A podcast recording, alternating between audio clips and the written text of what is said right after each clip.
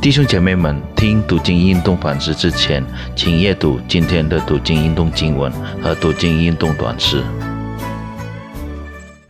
主内弟兄姊妹们，大家平安！感谢上帝今天赐给我们机会，能够一起来聆听并思想上帝的话语。我们今天要一起来思想的主题是信靠上帝。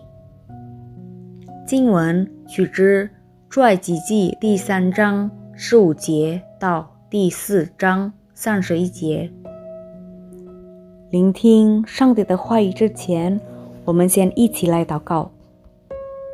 亲爱的天父，爱我们的救主耶稣基督，我们满心感谢你，我们赞美你，谢谢你每一天赐下的平安和喜乐。满满的恩典，救主再次用你的话语来光照我们，给我们芥菜种般的信心。求你帮助我们能够走在你的道路。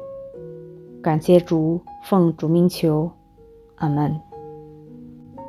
四百多年以来，耶和华没有向他的子民显现，摩西的挣扎。是他该如何回答以色列人的问题，就是他叫什么名字？按照古代惊动的观念，没有名字的就不存在，有名字的才是存在的。摩西意料到以色列人会质问和要求他解释有关耶和华以及耶和华。与他们祖先的关系。此外，摩西也害怕以色列人不相信耶和华正向他显现。耶和华赐给摩西三个神迹，以说服以色列人并坚固摩西的信心。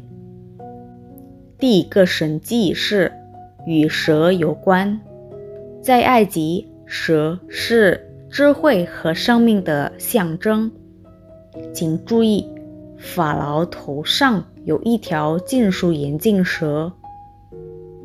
第二个神迹是与身体有关，这个神迹证明上帝有医治的能力。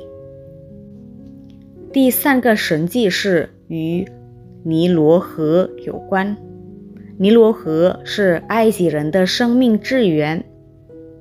这三个神迹。是上帝权柄和大能的证据，同时，这三个神迹也是为了证明摩西确实是耶和华的代言人。耶和华要以色列人相信他所说的都是真实的，而摩西也真的是他所拣选的灵修。上帝所行的每一个神迹，都是为了验证关于耶和华的救恩的信息。耶和华并不总是选择行神迹的事。事实上，主埃及记的故事告诉我们，单靠神迹永远无法完全的说服人类相信耶和华。信心不仅仅是经验主所行的事而已。其实，信心是用顺服的行动来回应主所说的话。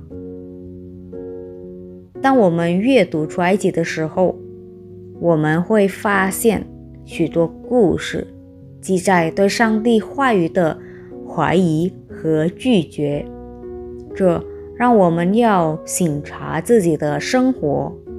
有时候，主的作为是显而易见的，我们可以看到主介入我们的生活中，而我们也能轻易的顺服上帝作为回应。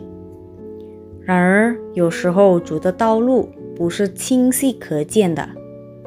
尽管如此，我们被呼召要仍然相信主，基于对他话语的信心。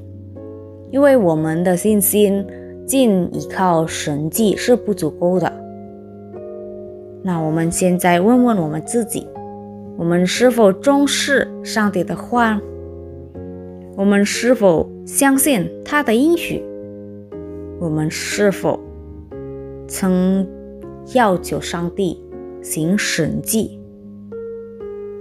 我们祷告，我们在天上的父，谢谢你的话语，谢谢你对我们说话，通过摩西被上帝拣选的故事。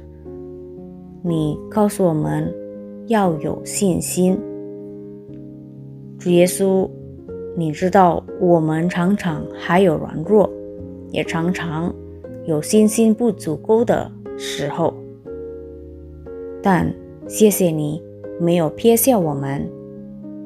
我知道我们所信的神是何等伟大又奇妙的上帝，求主帮助我们。以顺服来行动，上帝的话。